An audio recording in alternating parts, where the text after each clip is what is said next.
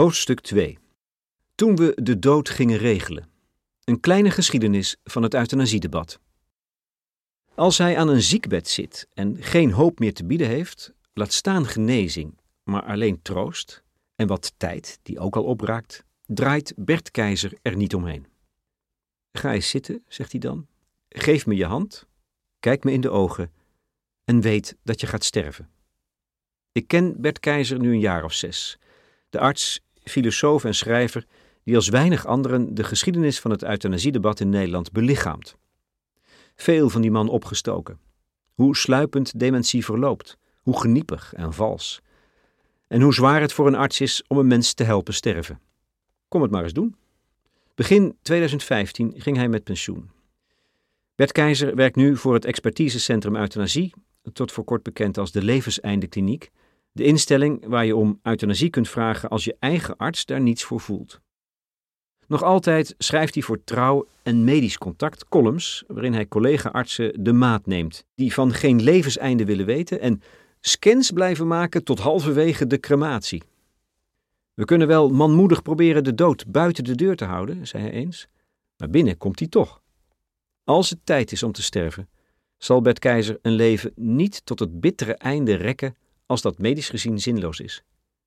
Kijk me aan en weet dat je gaat sterven. Hoe volstrekt anders gingen artsen 70 jaar geleden met de dood om? Als ze in de jaren 50 van de vorige eeuw zien aankomen dat een patiënt gaat sterven, spreken artsen daar met geen woord over. Als een longpatiënt vroeg of hij K, kanker had, ontkende de arts dat en zei dat er sprake was van een ernstige longontsteking, zei Els Borst, de latere minister van Volksgezondheid, over de tijd waarin ze zelf geneeskunde studeerde en haar kooschappen liep. In die jaren 50 is een arts iemand om bang voor te zijn. Een man, vrouwelijke artsen zijn er amper, uit de hogere sociale klasse. Toch verlossen ook die artsen doodzieke patiënten barmhartig uit hun lijden, maar geheel op eigen gezag, als verlosser naast God. Zoals ze het onnodig vinden een patiënt te vertellen dat hij gaat sterven, verzwijgen ze ook hoe ze hem het laatste zetje zullen geven. Hooguit betrekt een arts de familie bij zijn voornemen in een wonderlijk stommetje spelen. Mag papa nog wat meer morfine, dokter? Papa heeft zo'n pijn. We kunnen het proberen. Alles beter dan die pijn, toch, dokter? Als papa de volgende ochtend niet haalt, weet iedereen wat alles is. En is niemand daar rouwig om. Vader is toch nog onverwacht, maar vredig heen gegaan, en de familie heeft er een geheim bij. Ook de arts zwijgt als het graf. Waarom zou hij toegeven dat de natuurlijke dood allerminst natuurlijk was? Hij kan zich het gedonder dat daarvan komt besparen. Het ging goed, zoals het ging, zonder protocollen en inmenging van buitenaf. Zal jurist en antropoloog Anne T. een huisarts uit die tijd citeren in haar studie Verlossers naast God. In de jaren 50 groeit Bert Keizer op als de jongste van zeven kinderen in het gezin van een bescheiden katholieke middenstander in Amersfoort. In zijn kinderjaren is God net zo gewoon als de mededelingen voor land- en tuinbouw op de radio, waar zijn vader elke dag om half één naar luistert. De zoon wordt misdienaar en overweegt zelfs het priesterambt, waarbij ik aanteken, schrijft Bert Keizer later, dat ik toen nog niet wist wat het celibaat was. Heel devoot zijn ze thuis niet. Wij beseften wel dat we na de dood even naar het vagevuur zouden moeten gaan, maar dat we uiteindelijk in de hemel zouden eindigen, was toch wel te verwachten. Na de HBSB wil Bert Keizer studeren, kan niet schelen wat. Zijn vader, die een schildersbedrijfje heeft, verdient te weinig om die studie te kunnen betalen en net te veel voor een beurs. Bert Keizer vlucht achter een meisje aan naar Engeland. Op haar toneelschool, gevestigd in een oud kasteel in Devon, doet hij een jaar lang de vaat. Daarna behaalt hij in Nottingham een bachelorgraad in de filosofie. Met een gezonde afkeer van autoriteit en een hardnekkige neiging om aan de rand te blijven, gaat hij terug in Nederland geneeskunde studeren aan wat later de Universiteit van Amsterdam zal heten. Hier ontdekt hij hoe arrogant zijn opleiders zijn, hoe levensgroot het standsverschil is en hoe onfeilbaar artsen zich wanen. Jaren laat hij zich pletten en kleineren door specialisten die zichzelf mateloos overschatten, terwijl ze met hun eindeloze doorbehandelen in zijn ogen veel leed veroorzaken. Het woord sterfbed bestond niet binnen de kliniek. Je had alleen maar ziektebedden die dan soms verkeerd afliepen. Op een dag heeft hij herrie met een assistent-internist over waarom die maar doorgaat met dat zinloze behandelen van een bejaarde man. Wat wou jij dan? Vraagt de arts. Laat die man toch gewoon doodgaan. Wat doe jij hier eigenlijk in een ziekenhuis? Goeie vraag, moet Bert Keizer hebben gedacht. Hij kiest, kont tegen de krip, voor het afvalputje van de zorg. Het verpleeghuis. En dan gaat, in de jaren zestig, voor Bert Keizer de jaren van popmuziek, de Beatles, Jimi Hendrix, literatuur, Samuel Beckett, songteksten, Bob Dylan en filosofie, Bertrand Russell, dan gaat alles schuiven. In de Verenigde Staten eisen militante zwarte jongeren hun burgerrechten op. Plegen witte mannen met idiote puntmutsen racistische aanslagen. Groeit het verzet tegen de oorlog in Vietnam en wordt dominee Martin Luther King, de leider van de burgerrechtenbeweging, vermoord. In Parijs loopt het studentenprotest van mei 68 al bijna even gewelddadig uit op betogingen, brandende barricaden en botsingen met de oproerpolitie. Bij de Sorbonne gaat Daniel Cohn-Bendit, hij zal later voor de Groenen nog lang lid zijn van het Europarlement, voorop in de anarchistische studentenrevolte. Bij ons verlopen de 60s minder heet gebakerd.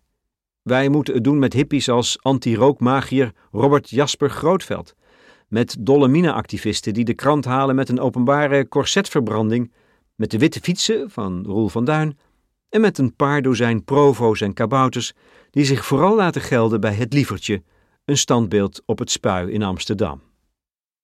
In mijn jeugd, op Zuid, de boerenzij van Rotterdam, merken we er hoegenaamd niets van. Ik ga naar school, de week opent met gebed en ik spijbel om in het park Gerard Reven te lezen. Nader tot u, oud en eenzaam. De jaren vijftig duren op Zuid tot diep in de jaren zeventig. Het mag een mirakel heten dat niettemin alles ging schuiven. Geen land in West-Europa veranderde in de jaren 60 zo radicaal als Nederland, stelt de Amerikaans-Nederlandse historicus James Kennedy in een weloverwogen dood. De metamorfose was zo ingrijpend, schetst hij, juist omdat we even eerder zo'n klein burgerlijke, brave en bange natie waren. Kijk ons eens, zeggen we na die jaren 60 transformatie tegen het verbouwereerde buitenland. Kijk toch eens hoe wij de gietijzeren dogma's en het knellende geloof hebben afgeschud.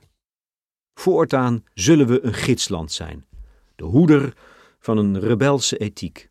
God, seks, drugs en abortus zijn nu bespreekbaar. Betutteling wijkt voor het radicale gebod van openheid. Niets mag nog onfatsoenlijk heten. Homoseksualiteit, pil, porno, Zelfs pedofilie lijkt even acceptabel. Het was, kortom, geen tijd voor huigelachtige taboes, analyseert James Kennedy. Artsen vielen van hun voetstuk. Patiënten werden mondig. Ook over de dood durfden we tenslotte te praten. Het was, al dus Anne T., niets minder dan de demystificatie van het lijden. Van een timide en devoot volk in een modderige delta zullen we binnen één generatie de onverschrokken pleitbezorgers worden van wat elders een taboe zal blijven. Het recht zelf te beschikken over het eind van je leven. Het is 1971. Soldaat Rinus Weerman moet twee jaar de gevangenis in omdat hij een dienstbevel negeerde. Hij weigert zijn lange haar te laten knippen.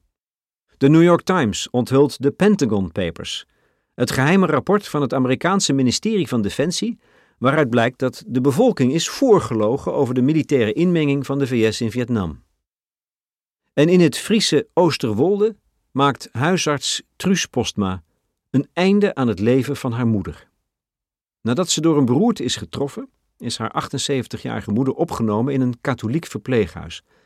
Ze wil sterven, zegt Truus Postma tegen de directeur van het tehuis. Die lijkt mee te willen werken. Op de overlijdensverklaring zou hij invullen dat het een natuurlijke dood was. Maar de directeur bedenkt zich, waarop Truus Postma haar moeder zelf een dodelijke dosis van 200 milligram morfine toedient. Ze hing vastgebonden in de rolstoel, amper aanspreekbaar, zal Truus Postma in 2001 bij RTV Drenthe vertellen. Ik zei tegen mijn man: Ik wil het voor mijn moeder doen. Ik heb het haar beloofd. Ik heb haar omhelst en in haar minst slechte oor geroepen: Mam, het komt allemaal goed. Toen heb ik de spuit gegeven. En dat was het. De verpleeghuisdirecteur reageert woest. Dat ze haar moeder liet sterven is tot daaraan toe. Maar waarom moest dat uitgerekend in zijn verpleeghuis gebeuren? Hij geeft Truus Postma aan bij de Inspectie voor de Volksgezondheid. Had ze haar moeder maar mee naar huis moeten nemen en daar die injectie moeten geven. De inspecteur schakelt justitie in. Wat een familiegeheim moest blijven, wordt zo de eerste strafzaak in Nederland wegens euthanasie. En die strafzaak wordt wereldnieuws. Voor de rechter ontkent Truus Postma niet wat ze gedaan heeft. Dagblad de Telegraaf bericht over het strafproces tegen de Friese huisarts en haar patiënten beginnen een handtekeningenactie. Andere artsen vallen Truus Postma bij.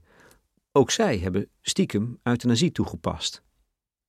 Na het Leeuwarder euthanasieproces, waarin Truus Postma wordt veroordeeld tot een week voorwaardelijke gevangenisstraf, komt het debat over de goede dood pas echt op gang. Al zal het nog 30 jaar duren voordat stervenshulp met een wet legaal wordt gemaakt. Ondertussen laten artsen in de jaren 70 nog altijd doodzieke mensen sterven. Heimelijk. Aarzelend. Tussen arts en patiënt ging het er, volgens Bert Keizer, weinig elegant aan toe. Half gestamelde verzoeken werden even half stamelend beantwoord. Tot 1984. Dat jaar formuleert de Hoge Raad in het Schoonheim-arrest volgens juristen de basis van de Nederlandse euthanasie-jurisprudentie wat een arts moet doen als zich naderhand bij een rechter wil kunnen beroepen op overmacht, op een noodtoestand. Als een arts voorziet dat ze het ondraaglijk lijden niet meer zal kunnen verlichten, terwijl dat lijden en de ontluistering erger worden en de patiënt dus niet meer waardig zal kunnen sterven, dan, erkent de Hoge Raad, heeft een arts geen andere keus dan die patiënt te laten sterven. Euthanasie is sinds dat arrest niet minder strafbaar, maar als een arts zich aan de zorgvuldigheidseisen houdt, zal een rechter haar geen straf opleggen. Sindsdien lijkt het erop dat we euthanasie gingen gedogen. Een pragmatische en paradoxale aanpak, waarvan ze in het buitenland nog minder begrijpen dan van die euthanasiepraktijk zelf. Dat de hoogste rechters voorschrijven hoe je aan justitie kunt ontkomen, is meer dan ze kunnen bevatten. Vanuit het Schoonheim-arrest blijven we polderen. Arrest na arrest formuleren we de juridische finesses waarmee we een balans zoeken tussen het individuele recht te sterven en daar hulp bij te krijgen en de plicht van de overheid kwetsbare mensen te beschermen. Uiteindelijk kunnen 9 van de 10 Nederlanders zich in die praktijk vinden.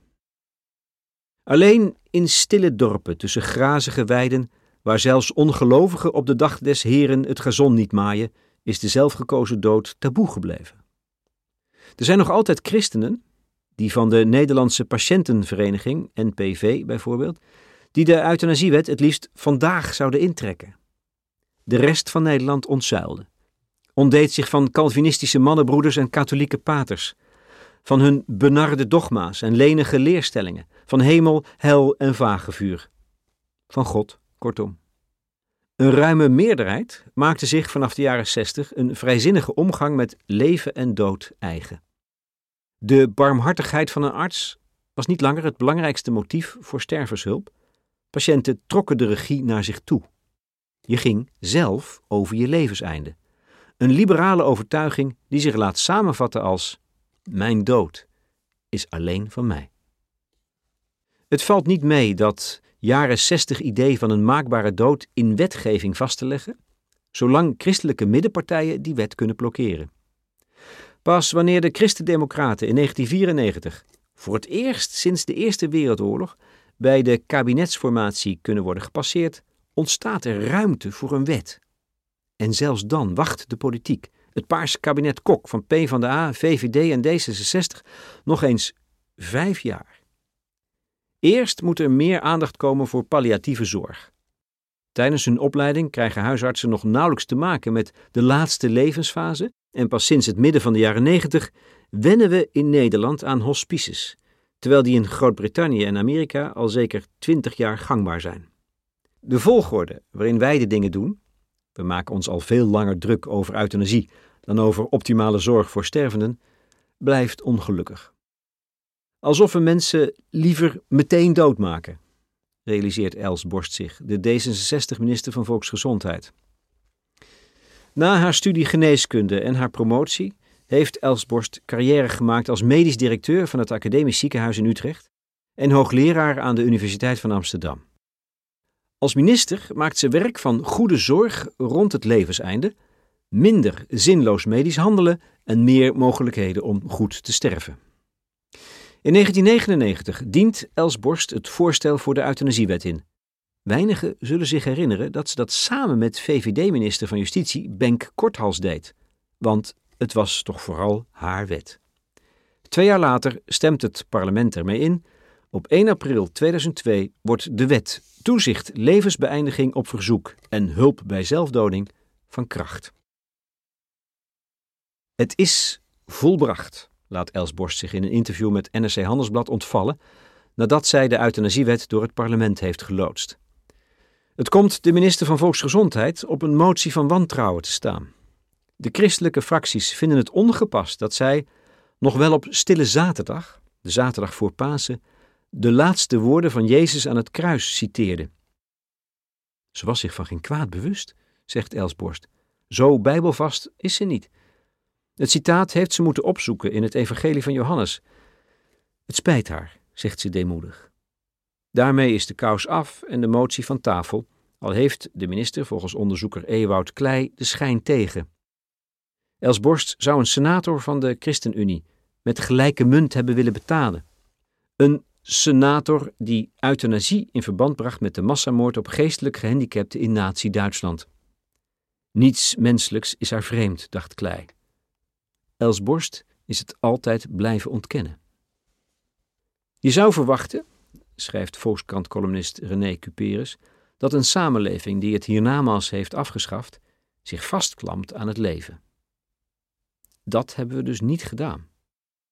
Aan het begin van de 21ste eeuw storten we ons gepassioneerd op de dood.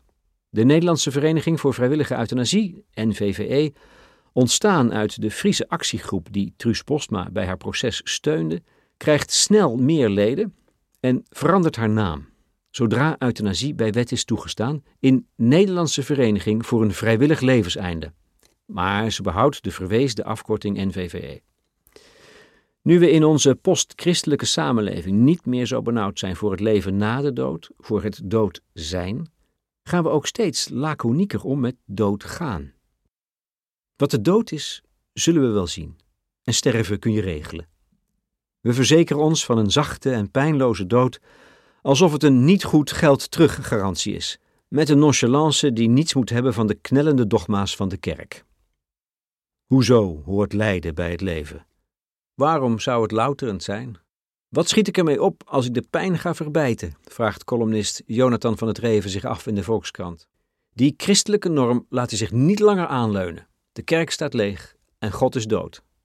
Toch?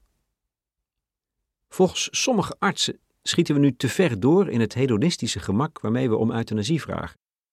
Het is een verworvenheid waarbij twijfel of een nee van de dokter niet lijkt te worden geaccepteerd. Als een patiënt het besluit heeft genomen, is er ook vaak weinig geduld. Ik noem dat de bol.com mentaliteit. Vandaag besteld, morgen in huis, zegt huisarts Erik Kremers in NRC Handelsblad.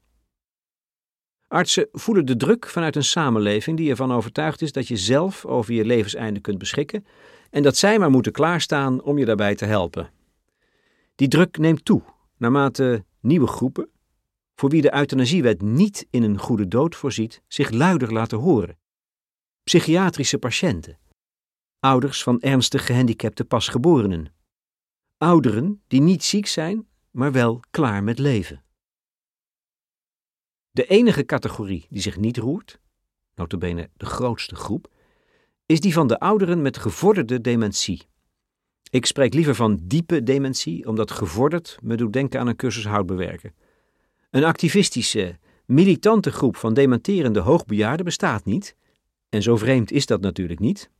Wie diep dement is, wordt boos om een lekkende 24-uursluier, onrustig van een aldoor krijsende lotgenoot of om iets waarvan de omstanders geen weet hebben.